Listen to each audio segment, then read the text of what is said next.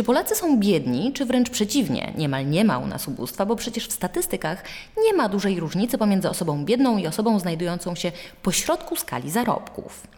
Czy przekroczenia granicy 4000 zł pensji minimalnej już w przyszłym roku należy się bać? A może raczej powinniśmy bać się robotów, bo jak wynika z badań, już niemal co ósma osoba zna kogoś, kto w ciągu ostatniego roku stracił pracę właśnie z powodu automatyzacji wdrożonej w firmie. O tym porozmawiam dzisiaj z doktorem Pawłem Bukowskim z University College London i Polskiej Akademii Nauk, współprowadzącym grupę ekonomistów Dobrobyt na pokolenia. Dzień dobry, panie doktorze. Dzień dobry państwu. Ja wrócę do pańskiej wypowiedzi dla chińskiej telewizji. To, był, e, to była jesień 2021 roku, więc dużo gospodarcze się od tego czasu zmieniło. Ale pytanie, jak pan widzi, obserwując taką szeroką społeczną siatkę płac i tego, e, jakie jest rozwarstwienie, jeśli chodzi o zarobki w Polsce. E, jak pan widzi polskie społeczeństwo jako biedne, przeciętne, bogate? No, to jeszcze zależy do czego porównamy polskie społeczeństwo. E, jeżeli porównamy je do Chin, to będziemy, że tak powiem, bogaczami. E, jeżeli porównamy się do na przykład e, Niemiec czy, czy Stanów Zjednoczonych, to, to, to raczej takimi średniakami. To oczywiście jakby ciągle, że tak powiem, do końca nie wiemy, co się stało w Polsce w przeciągu ostatnich kilku lat, ponieważ te dane na temat płac, też na temat dochodu troszeczkę jakby potrzebujemy parę lat, żeby uzyskać troszeczkę lepszy obraz. Na pewno to, co moim zdaniem przynajmniej e, miało negatywny wpływ na, jakby na poziom nierówności w Polsce, na sytuację biednych, to, to jest inflacja. I jakby tutaj jest um, szereg argumentów, dlaczego inflacja znacznie bardziej dotyka osoby ubogie, um, osoby średnio zamożne w porównaniu do osób bogatych. Więc już nawet jakby, że tak powiem, starając się jakoś uaktualnić sytuację Polski od roku 2001 niestety wydaje mi się, że się pogorszyło, ponieważ właśnie ta duża inflacja prawdopodobnie znacznie bardziej uderzyła w te osoby biedne. No właśnie, ja mam y, pod ręką badanie IBRIS z, tuż przed Wielkanocą y, wykonywane, więc bardzo, bardzo świeże, które pokazuje, że mm, największe wyzwanie finansowe dla Polaków to y, bieżące wydatki i rachunki. 58% e, ankietowanych odpowiedziało, że to jest dla nich największe wyzwanie finansowe, a 32% twierdzi, że sięga po oszczędności, żeby opłacić bieżące wydatki. Więc właśnie pytanie, jak ta inflacja, w kogo ona uderza, bo, bo chyba nie tylko w tych najuboższych, tak? Więc wspomniał Pan o tych um, licznych argumentach um, mówiących um, o tym, dlaczego nierówno e, różne części społeczeństwa odczuwają inflację. Więc dlaczego i jak szeroki jest zakres tego uderzenia, jeśli chodzi o grupy społeczne, panie doktorze? Jakby tutaj trzeba jakby popatrzeć na dwie rzeczy oddzielnie. Raz to jest dochód ludzi, czyli tutaj w naszym przypadku zazwyczaj jest to płaca, a dwa to jest też majątek, czyli to, co jakby z tego ci ludzie na przykład mogą sobie, mają taki bufer bezpieczeństwa w sytuacji, gdy na przykład idą na bezrobocie. Jeżeli chodzi o płacę, to główny problem jest taki, że oczywiście płaca się w jakiś tam sposób dostosowuje do inflacji, jakby płaca nominalna rośnie wraz z inflacją, ale niestety jakby osoby, które są e, zazwyczaj mają mniejszy, e, e, mniejszy poziom umiejętności, słabsze wykształcenie, są często biedniejsze, mają słabszą siłę przetargową w relacjach z pracodawcami. I to powoduje to, że w sytuacjach inflacji mają znacznie mniejsze możliwości podniesienia swojej płacy w porównaniu do osób, które są lepiej wykształcone, które pracują w korporacjach, które mają jakąś siłę przetargową. I to oczywiście wynika z, częściowo z tego, że jakby ktoś, kto ma niski poziom umiejętności jest łatwo dostępowany, więc pracodawca może się go pozbyć, jeżeli stawia zbyt wysokie warunki, ale też z drugiej strony wynika to też, też z pewnej słabości polskich związków zawodowych, które jakby nie są w stanie skutecznie walczyć o, o, o płace tych pracowników. Więc w tym wypadku widać pewną różnicę pomiędzy osobami biednymi a bogatymi w tym, w jakim stopniu ich płaca może się dostosować do tej inflacji. Ale też jakby tutaj z drugiej strony mamy majątek i to jest coś szalenie ważne, ponieważ e, większość ludzi biednych, średnio zamożnych, tak naprawdę ich majątek to jest albo dom, albo jakieś oszczędności na koncie. Te osoby niezwyczaj nie inwestują na giełdzie, nie inwestują w, w, różne aktywa, których wartość może rosnąć wraz z inflacją. Natomiast w przypadku osób bogatych, ci ludzie nie trzymają swojego majątku na koncie, e, że tak powiem, czy gdzieś tam w materacu, tylko oczywiście inwestują i to, co wiemy z badań jakby różnych krajach, też jakby troszeczkę zależy od kraju, ponieważ jakby też trochę zależy od tego, co różni ludzie posiadają w różnych krajach. Natomiast ogólnie obraz jest taki, że e, inflacja znacznie bardziej zjada oszczędności osób właśnie takich biednych, średnio zamożnych, natomiast znacznie mniej tych najbogatszych, ponieważ tych najbogatszych oni są w stanie zabezpieczyć się przed inflacją. Jakby mają, posiadają aktywa, których wartość rośnie wraz z inflacją. I to jest jakby takie dwa główne mechanizmy, dlaczego inflacja nam powiększa nierówności. Z jednej strony ta płaca się gorzej dostosowuje dla osób biednych, średnio zamożnych, z drugiej strony majątek osób biednych, średnio zamożnych znacznie szybciej traci wartość niż majątek osób bogatych. Więc w pewnym sensie możemy myśleć o inflacji jako takim, się ekonomiści często nazywają regresywnym podatkiem, zarówno dochodowym, jak i majątkowym, ponieważ jakby dzięki inflacji państwo jest w stanie sobie obniżyć dług Natomiast problem jest taki, że ta inflacja znacznie bardziej dotyka właśnie te osoby biedniejsze niż osoby bogatsze. Ale y, rząd, y, właściwie chcąc, nie chcąc, y, próbuje nadrabiać ten dystans, podnosząc y, płacę minimalną. Mm, dziś ona wynosi 3490 zł. Od lipca, od połowy roku zostanie podniesiona po raz drugi do 3600 i wygląda na to, że w przyszłym roku y, obietnica obecnie rządzącej partii zostanie y, spełniona, że płaca minimalna przekroczy 4000 zł brutto oczywiście. Ja chciałabym spojrzeć na te kwoty od trochę innej strony. Jeśli to 4250 tam parę złotych rzeczywiście w przyszłym roku się ziści, to będzie oznaczało, że płaca minimalna w Polsce dojdzie do poziomu 55,7% średniej krajowej. Mówi się o tym, że te to 50% y, średniej krajowej to z jednej strony jest mm, ekonomicznie pożądany stan i, i, pożądana proporcja, ale z drugiej strony powyżej tej granicy jest już jakieś niebezpieczeństwo, że zacznie się ziszczać y, te, ta prognoza liberałów, że y, płaca minimalna zbyt wysoka, będzie psuć rynek, doprowadzi do bezrobocia. E, ja przypomnę, że jeszcze w 2015 roku ta proporcja płacy minimalnej do średniej krajowej wynosiła zaledwie 44,8%, niecałe 45%. Pytanie, czy tak szybki wzrost e, tej relacji płacy minimalnej do średniego wynagrodzenia jest z Pańskiej perspektywy dobry, czy może być szkodliwy dla gospodarki i ostatecznie również dla e, miejsc pracy i dla pracowników? Wzrost płacy minimalnej jest faktem. Jakby ta płaca minimalna w Polsce jest stosunkowo wysoka, jakby tak powiedziałbym, porównując do innych krajów europejskich. Natomiast czy to, jest, czy to jest dobrze, czy to jest źle, to zależy od wielu rzeczy. Takim głównym jakby argumentem, dlaczego płaca minimalna może być zła i to jakby argument, który tam się pojawia zawsze w powiedziałbym, takich debatach, to to, że sztucznie zwiększając płacę w pewien sposób powodujemy, że część pracodawców nie będzie w stanie E, zatrudnić pracowników, więc po prostu spali nam zatrudnienie, e, zamkną się firmy e, i tak dalej. Czyli w tym sensie mamy pewien koszt podwyższenia płacy minimalnej w postaci tego, że mamy mniej pracowników zatrudnionych na rynku pracy. Problem z tym jest taki, że od jakichś, powiedziałbym, 30 lat to, co wynika z badań empirycznych na temat prowadzenia płacy minimalnej w różnych krajach, to to, że takiego efektu nie ma. Zazwyczaj jakby nie widzimy nie widzimy tego, żeby nagle nam zatrudnienie spadało w sektorach czy gospodarkach, w których prowadziliśmy e, płacę minimalną. I w jaki sposób to wytłumaczyć, tak? Jakby w jaki sposób ekonomiści do tego podchodzą. Główny argument jest taki, że e, tutaj użyję takiego, powiedziałbym, bardziej technicznego słowa, ale warto się z nim zapoznać, bo jakby to, o tym się będzie mówiło coraz więcej, że rynek pracy charakteryzuje monopson. Monopson to jest, tak powiem, troszeczkę taki kolega monopolu. Z tym, że jeżeli monopol oznacza sytuację, w której e, mamy jednego producenta i wielu konsumentów, tak monopol jakby, monopson oznacza coś odwrotnego, czyli mamy w tym wypadku jednego kupującego i wielu, e, i wielu, e, i wielu producentów, że tak powiem. I dlaczego, jakby, dlaczego rynek pracy jest, charakteryzuje się monopsonem?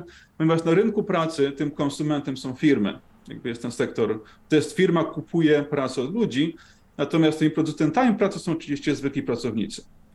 I teraz, jakie to ma przełożenie na płacę, a zwłaszcza na płacę minimalną?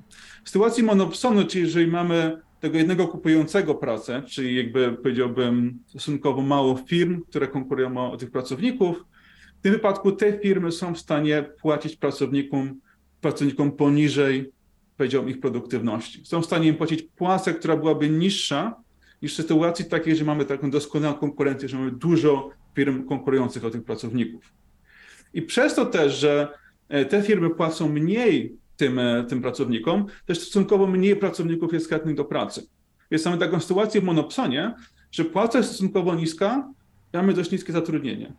I teraz co się dzieje, jak wprowadzamy płacę minimalną? Gdy wprowadzamy płacę minimalną, my zmuszamy tą firmę tego monopsonisty, który ma duże zyski, ma duże renty, żeby tą płacę troszeczkę podwyższył, co powoduje, że nagle mamy też więcej chętnych, żeby pracowali z tym, z tym, z tym monopsonistą. Więc w efekcie to, co paradoksalnie to, co widzimy, to, że płaca minimalna może nawet zwiększyć zatrudnienie w pewnych sektorach. To oczywiście jakby to, czy płaca minimalna nam zwiększy, czy zmniejszy zatrudnienie, właśnie kluczowo zależy od tego, jaka jest struktura tego rynku pracy. Czy mówimy o doskonałej konkurencji, gdzie mamy mnóstwo firm konkurujących o, o rzesze pracowników, czy raczej mówimy o pewnych dużych firmach, które kontrolują rynek, które są w stanie narzucić swoją własną płacę, która jest niższa niż ta, która by powiedzmy zaistniała w tym takim idealnym świecie. Mówi Pan o monopsonie w kontekście rynku europejskiego, polskiego, czy w ogóle globalnie mamy do czynienia już z tym zjawiskiem? Tak, jakby jest na ten temat jakby wiele dyskusji w akademii, to jest coś, co jakby jest, tak powiedziałbym, bardzo aktualne. Natomiast to, co widzimy z wielu badań, zwłaszcza jeżeli chodzi o, o Stany Zjednoczone, Wielką Brytanię, ogólnie Europę Zachodnią, badań na temat Polski jest stosunkowo mało. Jest to ciężko jest coś definitywnie stwierdzić. Natomiast to, co widzimy, to jednak, to jednak, że ten rynek się robi coraz bardziej konkurencyjny. W sensie, że widzimy, że tego monopsonu na, na naszym rynku pracy jest coraz więcej. Czyli innymi słowy, że pracodawcy e, są, mają coraz większą siłę, taką powiedziałbym, rynkową, żeby płacić pracownikom stosunkowo mniej niż to, ile ci ludzie pracują. I takim, powiedziałbym, dobitnym przykładem tego jest, jest, jest, są Stany Zjednoczone, gdzie jeżeli spojrzymy na taką relację pomiędzy produktyw, jak zmieniała się produktywność pracowników, jak zmieniła się płaca realna tych pracowników, czyli de facto co realnie pracownicy wytwarzali i ile mieli płacone, to widzimy, że tak mniej więcej od początku XX wieku do lat 70. te dwie linie są praktycznie tożsame, bo one idą dokładnie tak samo. Wzrost na przykład produktywności o 5% przekłada się na 5% wzrostu płacy. I to jest coś, co jakby wynika z takiej standardowej teorii ekonomicznej. Natomiast od końca lat 70. widzimy coś absolutnie odmiennego. Widzimy, że produktywność ciągle tam nam rośnie. Teraz nie pamiętam dokładnie tych liczb, bo tam powiedzmy, że około 50-60% od końca lat 70. do dzisiaj. Natomiast płaca realna nagle zaczyna nam, zamieniła się w prostą, płaską linię horyzontalną. Czyli tak naprawdę od tych 40 lat płaca realna się de facto prawie w ogóle nie zmieniła w USA. Natomiast produktywność tam ciągle jakby rosła tam o dobre 50-60%. Więc nagle... gdzie, się po, gdzie się podziewają te pieniądze zyskane dzięki wzrostowi pro, produktywności? Czy to przekłada się na rosnące zyski firm, czyli one zabierają to, co pracownicy wypracowują? Tak, z jednej strony się to przekłada na raz więcej dochodu trafia w stronę właścicieli kapitału, jakby, czyli powiedzmy osoby, które mają powiedziałbym, dużą liczbę pieniędzy i mają maszyny, mają firmy. Z drugiej strony to się to przekłada właśnie na taki, powiedziałbym, to się po, po angielsku na to mówimy ekonomiczne renty, chyba po polsku też tak się to nazywa. Chodzi tutaj jakby, nie chodzi tutaj o rentę w postaci, że tak powiem, to co płacimy um, właścicielom mieszkań, chodzi o taką rentę, czyli coś, co jakby pewien taki zysk, który jakby nie wynika do końca z takich bezpośrednich działań rynkowych. Chodzi o taki zysk, który jakby wynika z jakiejś uprzywilejowanej pozycji firm albo innych, a, innych działających na rynku. Więc to, co zazwyczaj mówi, i to też widać w danych, że ten taki nadzwyczajny zysk firm, korporacji nam bardzo znacząco wzrósł od właśnie tych lat 80. Zresztą oczywiście się przekłada na to, że rosną nam nierówności i też jednocześnie powoduje, e, przyniesie do tego, że mamy też dość słaby wzrost gospodarczy ogólnie tym jakby od tych końca lat 70. Czyli innymi mhm. słowy, już tak, że tak powiem, żeby troszkę wrócić do tego pytania pierwotnego, to jakby ten zysk jakby z tego, że ci pracownicy mają płacone mniej niż, niż, jakby, niż, e, niż powinni mieć, przykłada z jednej strony powoduje, że oni mają dość powiedzmy taką niską płacę realną, z drugiej strony powoduje to, że te firmy są znacznie bardziej zyskowne niż, niż, niż były powiedzmy 40 lat temu. I tu jakby warto też dodać, jakby znowu, że w takim powiedzmy wyidealizowanym świecie ekonomicznym, zresztą chciałem to podkreślić, że tak naprawdę duże, duże zyski nie są czymś dobrym. firm. Duże zyski firm oznaczają, zbyt duże zyski firm, takie ekonomiczne renty, oznaczają właśnie, że ten rynek nie jest konkurencyjny. Jakby, że nie ma procesów, które byłyby w stanie na przykład, że nie ma firm, które nagle by były w stanie wejść na ten rynek, zaoferować lepszy produkt, czy zaoferować lepszą płacę i jakby też mieć z tego jakiś dochód i jednocześnie obniżyć ten zysk innych graczy na rynku. Jeżeli rynek nie jest konkurencyjny, to firma jest w stanie mieć takie gigantyczne zyski, jest w stanie na przykład oferować kiepski produkt za zbyt wysoką cenę albo płacić zbyt niską płacę, zarabia na tym gigantyczne zyski, ale nie ma żadnych innych sił, które byłyby w stanie, powiedzmy, to zmienić. I na tym tracimy my wszyscy jako społeczeństwo. To jest proces, y, który Pan opisuje, który toczy się od lat 70., ale czy ostatnie lata nim nie zachwiały. To znaczy, patrzę na polski rynek i rzeczywiście przez 30 lat polskiej wolnej gospodarki mieliśmy tak, że ten udział płac w PKB był bardzo niski, dopiero w ostatnich latach zaczyna poważnie gonić. E, patrzę na, na badania IBRIS-u, gdzie 51%, ponad 51% twierdzi, że e, na rynku pracy to pracownik ma silniejszą pozycję, 51% się z tym nie zgadza, natomiast prawie 40% jednak mówi tak, mamy rynek pracownika ciągle i to też są jakby badania w tej chwili już, kiedy PKB polskiej gospodarka wcale tak dynamicznie y, nie rośnie. Zastanawiam się, w którym momencie jesteśmy. Czy nie mamy do czynienia w ostatnich kilku latach może Ameryka, wydaje mi się, może być trochę, e, rządzić się odrobinę innymi procesami w tej chwili, ale popatrzmy na Europę, która się też bardzo starzeje i mamy, ciągle jesteśmy zasypywani wiadomościami, że, e, że brakuje pracowników na rynku. Bezrobocie, mimo właśnie, że mm, gospodarka jednak poważnie zwalnia w Polsce, to bezrobocie nam w marcu spadło. E, więc pytanie, czy nie przechodzimy teraz jakiejś poważnej fazy, tak patrząc na, w perspektywie kilku dekad, że rzeczywiście to pracownicy bardziej zaczynają rozdawać karty i pracodawcy pracodawcy już nie mogą e, tak by ich, że tak powiem, wyzyskiwać wprost. No. Tak, jakby Polska oczywiście jest jakby nieporównywana do USA i też jakby tu warto dodać, że jakby za komuny mieliśmy do czynienia z takim, powiedziałbym, klasycznym monopsonem, bo był powiedzmy jeden pracodawca w postaci państwa, który determinował, jaka jest płaca płacona tym pracownikom. Jakby, jakby prawdopodobnie ci ludzie mieli płacone często znacznie mniej niż niż to, co ci ludzie wytwarzali i też jednocześnie oczywiście ci ludzie nie mieli za bardzo motywacji, żeby prowadzić swoją produktywność. Więc jakby w pewnym sensie Polska przechodząc z systemu komunistycznego do kapitalistycznego, jakby zaliczyła taki dość spory jakby progres, jeżeli chodzi o, powiedziałbym, sytuację pracowników na rynku pracy. Ty właśnie, oczywiście z tej strony tylko i wyłącznie płacowej, no bo jakby, jakby jest też i wiele innych wymiarów powiedziałbym, systemu socjalistycznego, który mógł pomagać pracownikom, ale przynajmniej jeżeli chodzi o płacę, to ile ci ludzie mają płacę, to oczywiście jakby rynek, tak powiem, praktycznie z definicji z, z, polski rynek pracy stał się znacznie bardziej konkurencyjny. Ale też nawet jakby w Polsce widzimy, czy widzieliśmy do tej pory pewne niepokojące procesy.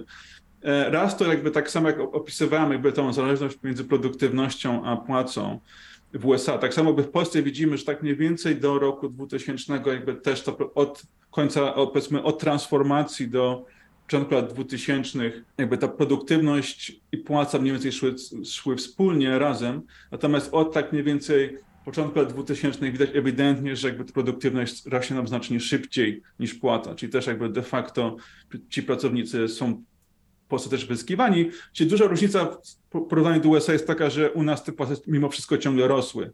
One ciągle jakby, my się ciągle bogaciliśmy, natomiast w USA duży problem jest taki, że ci pracownicy tak naprawdę są tak samo bogaci, jak, jak byli 40 lat temu.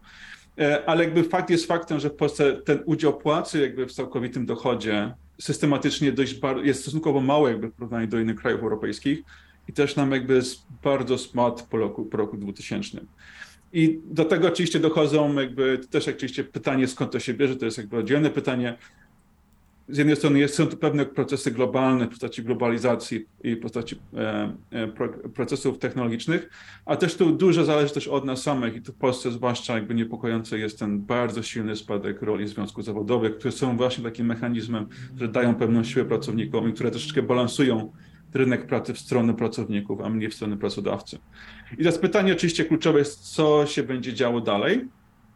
I to się jakby że tak powiem, czy coś się w tym kwestii zmienia. To oczywiście... No bo ja, ja, dodam jeszcze, że właśnie w kontekście przyszłości, że y, prognozy demograficzne są fatalne i je trzeba bardzo brać pod uwagę. Niedawno, dosłownie kilka dni temu Eurostat podał, że do 2100 roku w Polsce spadek populacji ogółem sięgnie ponad 8 y, milionów osób, a w wieku 15-64 lata, więc z grubsza to jest ta grupa aktywna na rynku pracy, o 8,6 miliona miliona ludzi. Znaczy to średnio do 2060 roku, to już bliższa perspektywa, e, podaż pracy będzie maleć średnio o 170 tysięcy osób rocznie, tylko w Polsce.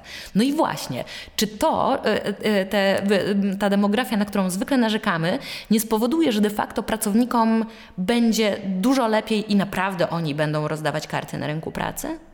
To mi się wydaje zależy od tych właśnie dwóch kluczowych czynników. Pierwszy to jest ta, taki jaką, jakie wykształcenie będą mieli ci pracownicy w Polsce i w jakim stopniu ci ludzie będą zastępowani przez nowe technologie.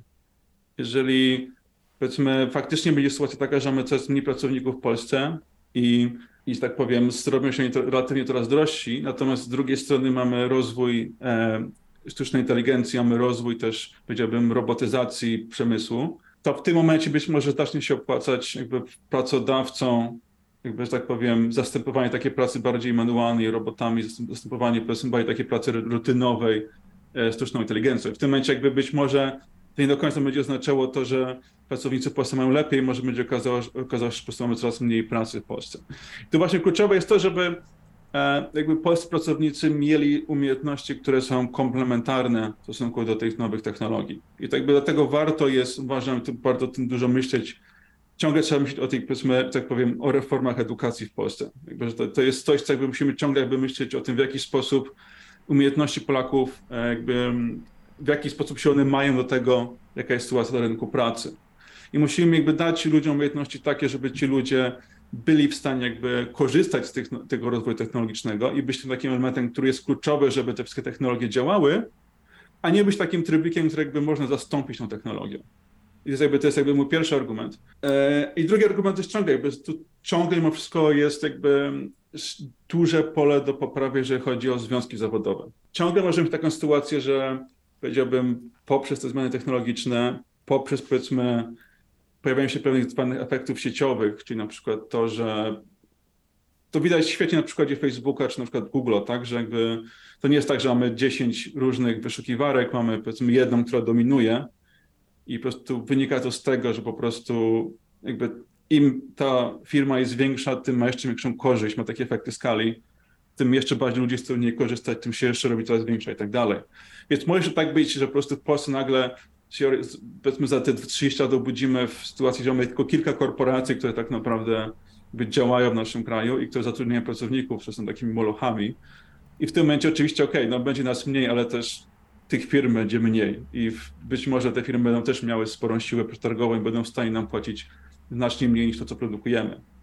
To oczywiście jakby trzeba pamiętać, że mówimy tu wszystko o takich bardziej relatywnych, powiedziałbym, wymiarach, to tym, że jakby my ciągle możemy, ten, ten dochód nam ciągle może rosnąć. My ciągle możemy być bogatsi, zwłaszcza, że jako kraj ciągle jakby gdzieś tam konwergujemy do tych krajów rozwiniętych. Natomiast pytanie jest, czy faktycznie jesteśmy wyzyskiwani czy jakby dostajemy tyle i faktycznie produkujemy, czy mniej. I tu mi się wydaje, że jakby sytuacja związków zawodowych jest, jest kluczowa, bo jeżeli mamy, pojawia się nam pewien taki powiedzmy brak balansu, jeżeli chodzi na rynek pracy, że mamy te firmy, które zaś, nagle zaczynają dominować na rynek pracy, to oczywiście naturalną reakcją jest pojawiające się zorganizowanie pracowników wokół jakichś powiedzmy związków zawodowych, które są w stanie negocjować powiedzmy podwyżkę płac z tymi pracodawcami. Właśnie, ja przyjrzałam się, właściwie Business Insider przy, przyjrzał się niedawno raportom spółek giełdowych na polskiej giełdzie. Ile płacą um, poszczególnym pracownikom, kto płaci najwięcej, kto płaci najmniej i z jakich sektorów.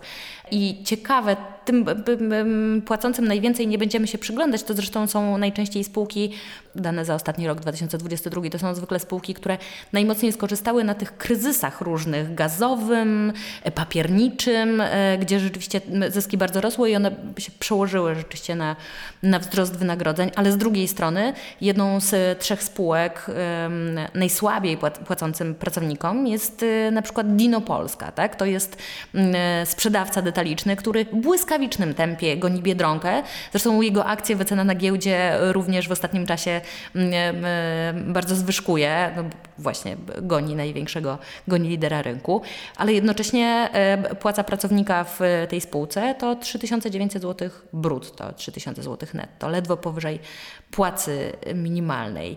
Zresztą te firmy najsłabiej płacące, płacące są najczęściej właśnie e, firmy, firmy handlowe. Czy można mm, się spodziewać, że tutaj jakby związki zawodowe ostatecznie niewiele y, wniosą, bo w takich sektorach wyjdzie automatyzacja, więc właściwie tutaj niespecjalnie jest y, o co walczyć. Co, w związku z tym dalsze pytanie, co zrobić z, tym, y, z tą częścią pracowników, którzy po prostu za chwilę mogą zostać zupełnie wypchnięci z rynku. Ja ostatnio czytałam badania personal service y, na temat y, rynku pracownika, to się nazywa barometr polskiego rynku pracy, y, z którego wynika, że już w tej chwili 12% co ósma osoba zna kogoś, kto w ciągu ostatniego roku stracił pracę z powodu automatyzacji. My się tak straszymy tą automatyzacją i robotami właściwie już co najmniej od dekady, myśląc, że to jest pieśń przyszłości, a to się dzieje tu i teraz. Czyli Oprócz tego, kto powinien być w ogóle odpowiedzialny za to, żeby tych pracowników przekwalifikowywać, żeby dostosować system edukacji i żeby ci ludzie nie wpadli w jakąś czarną dziurę? Bardzo ciekawe, bardzo ciekawe dane. Miło mi słyszeć, że jakby takie badania są robione w Polsce. E, tutaj trzeba jakby dodać, że to nie jest tak, że my się tym straszymy i to się dzieje teraz, natomiast to, się dzieje, to już się dzieje od jakichś pewnie 300 lat jakby na naszym świecie i by można nawet, czytając historię na przykład Wielkiej Brytanii początku XIX wieku natkniemy się na tak zwanych, po angielsku oni się nazywają Luddites. Tak? to była taka grupa, która właśnie się bardzo przestraszona była to, że tym, że mechanizacja zabierze im pracę, czyli się jakichś takich pierwszych maszyn, oczywiście jakby taki ruch społeczny, który niszczył te maszyny. I to oczywiście jakby każda technologia powoduje pewien, jakby pewną zmianę pewien taki powiedziałbym dys, dysrupcji jakiegoś powiedzmy jakiejś, jakiejś, jakiejś części gospodarki i społeczeństwa. Natomiast jakby każda też nowa technologia, tak jak ona niszczy, jak też tworzy nowe miejsca pracy. I jakby to, co pomimo tego, że mieliśmy prawdopodobnie znacznie jakby rewolucyjne wynalazki w ciągu ostatnich 300 lat w postaci maszyn, w postaci Pomyślmy sobie o mechanizacji rolnictwa, tak? Jakby wcześniej musieliśmy mieć rzesze ro, jakby robotników, którzy szli na te pola i powiedzmy tam kopali te ziemniaki. Teraz mamy jedną maszynę, która to robi za, za nich. I jakby to jest coś, co się zdarzyło na polskiej wsi powiedzmy w ciągu ostatnich 60 lat. I jakby i to nie jest tak, że nagle mamy całą rzeszę bezrobotnych, którzy się gdzieś tam tułają po tych wsiach i jakby nie wiedzą, co są zrobić, tylko jakby społeczeństwo było się w stanie do tego dostosować. Na przykład ci ludzie zasilili powiedzmy rzeszy pracowników firm, czy powiedzmy pracowników przemysłu w miastach, tak? Jakby teraz pytanie, co się działo, co się będzie działo z tymi pracownikami tych fabryk, które teraz jakby mamy nowe maszyny, które będą automatyzować, automatyzować ich pracę. Jakby tu najprawdopodobniej, że tak powiem, bazując na naszych doświadczeniach z historii, ci ludzie w pewnym momencie pojawią się nowe gałęzie, pojawią się jakby nowe sektory i ci ludzie znajdą pracę, tak? Jakby, jeżeli nie oni, to przynajmniej ich dzieci, czyli jakby to nie będzie tak, że ta praca nam nagle zniknie i ludzie zostaną po prostu takimi, jakby włóczęgami, ktoś tam się tułają po tych, po, tym, po tych wsiach bez roboty. Czyli tak powiedziałbym, w długim okresie ja bym się jakoś specjalnie nie martwił, że tak by cokolwiek tak naprawdę zmieni w naszym społeczeństwie. Więc oczywiście jest ten taki okres transformacji, który jest oczywiście bolesny dla, dla, dla wielu ludzi. Tak jakby widać, widać świetnie to na przykładzie Stanów Zjednoczonych, gdzie tam jakby byliśmy z jednej strony ten postęp automatyzacji, postęp technologiczny, a też z drugiej strony globalizacja jest takim kolejnym bardzo ważnym czynnikiem, myśląc o rynku pracy ostatnich 20 lat. Bo tam z kolei z jednej strony ci pracownicy byli zastępowani robotami, a też z drugiej strony ich praca tak naprawdę emigrowała do Chin. Nagle jakby ci, ci Chińczycy robili to co, to, co robili Amerykanie. I co ciekawe jest to, że jeżeli spojrzymy jakby na, na takie firmy, które były takimi, powiedzmy, nie wiem, e, ikonami amerykańskiego przemysłu, typu właśnie przemysł samochodowy, IBM, to takie wytwórstwo jakby rzeczy, czy General Electric, tak jakby tak naprawdę tego typu firmy, on, im zatrudnienie nie spadło w ogóle, tak suma summarum w ciągu tych powiedzmy 30-40 lat, mówiąc, i tak jakby zarówno przez kiedy tam się dzieje automatyzacja, jak i globalizacja. Jakby im ogólne zatrudnienie nie spadło. Natomiast im bardzo się zmieniła struktura pracy. Znacznie mniej osób wykonuje jakby tam teraz się działalność produkcyjną, znacznie więcej osób właśnie pracuje w tych takich rzeczach jak marketing, e, księgowość, HR, design produktów i tak dalej, tak dalej, tak? Czy taki symbolem tego jest Apple, który projektuje wszystko, jakby, że tak powiem, tam w Kalifornii, ale produkuje wszystko w Chinach. I to prawdopodobnie będzie to podobnie jakby z tymi nowymi technologiami, czy zwłaszcza jeżeli chodzi o sztuczną inteligencję. Pewne prace nam znikną, bo nie będą one potrzebne, ale to pojawią się znacznie inne, być może znacznie bardziej ciekawsze. Tak? Czyli zamiast, no udając taki, no, wracając do tej historii, czy wolimy mieć ludzi, którzy siedzą cały dzień i tak powiedzmy stukają jedną rzecz przez 10 godzin, czy raczej wolimy, żeby ci ludzie powiedzmy robili coś bardziej kreatywnego ze swoim życiem, tak? I to jest jakby taki, taki argument tutaj. Na długim to się jakoś spina, ale rzeczywiście by, można obawiać się tego, tej takiej wyrwy y, pokoleniowej, bo trudno oczekiwać od, y, od kogoś, kto pracuje przy taśmie montażowej, że nagle stanie się inżynierem AI. Jego dziecko być może tak, on już może niekoniecznie będzie zdolny do tego, żeby się, żeby się przekwalifikować. Szczególnie, że ja powołam się jeszcze na raport y, World Robotics 2020 2022, z którego wynika, że w Polsce w 2021 roku e, instalacja nowych robotów przemysłowych wzrosła o 56% tylko w jednym roku, 2021. To dzieje się tak szybko, że być może zmiany edukacyjne nie nadążą. Pytanie i, i, powstanie jakaś wyrwa, jakaś luka na tym rynku pracy, którą trzeba będzie jakoś zagospodarować. Być może y, państwa y, będą miały jakąś rolę do odegrania tutaj, y, może dochód podstawowy, może jakieś działania interwencyjne i będą potrzebne jakieś bardzo poważne zmiany w zasiłkach dla bezrobotnych, żeby tą lukę jakoś zagospodarować, się nią zająć? Tutaj mi się wydaje, że to, to oczywiście jakby to, co mówiłem, to w tym kontekście, że jakby te zmiany są, jakby i jeszcze wracając do tego przykładu Stanów Zjednoczonych, jakby tam, jak już wspomniałem, to zatrudnienie nie zmieniło się, jeśli chodzi o liczby, natomiast to też jakby zmienia się struktura zatrudnienia i też wiemy, że to nie są ci sami ludzie, którzy kiedyś, powiedzmy, robili tą pracę manualną i nagle robią, powiedzmy, te, te rzeczy bardziej umysłowe. To są różni ludzie. Jakby w tym pytanie jest, w jaki sposób możemy zapewnić, pomóc tym ludziom, którzy tracą pracę, z jednej strony, w jaki sposób, ale z drugiej strony też w jaki sposób możemy przygotować nowe, nowe pokolenie na to, żeby one robiły tą nową pracę. I to oczywiście z jednej, czyli jakby z jednej strony mamy ten cały tak zwany safety net, czyli taką powiedzmy tworzenie siatki, która pomaga tym ludziom, którzy nagle tracą pracę, mimo wszystko raz zachować jakiś, jakiś powiedzmy poziom życia, czy, czy przeżyć w takim powiedzmy sytuacji transformacji, a też z drugiej strony jakby ta edukacja ustawiczna, czyli jakby takie pomoc tym ludziom, żeby oni się w jakiś sposób przekwalifikowali jest absolutnie kluczowa tutaj. Wydaje mi się, że jakby tutaj jakby ja bym to raczej nie szukał nadziei w tym, że jakiś tam dochód bezwarunkowy cokolwiek zmieni. To jest po prostu raczej forma pomocy ludziom przetrwania. Jakby to, można, możemy to dać na zasadzie wszystkim, jak chce e, dochód bezwarunkowy, też możemy to targetować w osoby biedne, czy te, które straciły pracę, jak na przykład mamy w przypadku zasiłku dla bezrobotnych, jest raczej detal. Natomiast jakby sam zasiłek sam sobie nie spowoduje, że ci ludzie nagle się będą w stanie robić inną pracę. I to jakby absolutnie kluczowe jest to, żeby, żeby ci ludzie mieli dostęp do jakiejś formy edukacji, która im tę transformację umożliwi. Z drugiej strony oczywiście musimy też pomyśleć o jakby um, tych nowych pokoleniach i musimy myśleć ciągle o tym, w jaki sposób kształtować ich umiejętności, tak? Czy chcemy, żeby ci ludzie po prostu robili, nie wiem, uczyli się tylko i wyłącznie do testu i to, co jedyne co umieli, to po prostu powtarzać pewne informacje, wkuć coś na do upaczy, byli w stanie, byli bardziej, byli bardziej kreatywni, byli bardziej otwarci na, na zmiany, byli stosować do jakiejś sytuacji.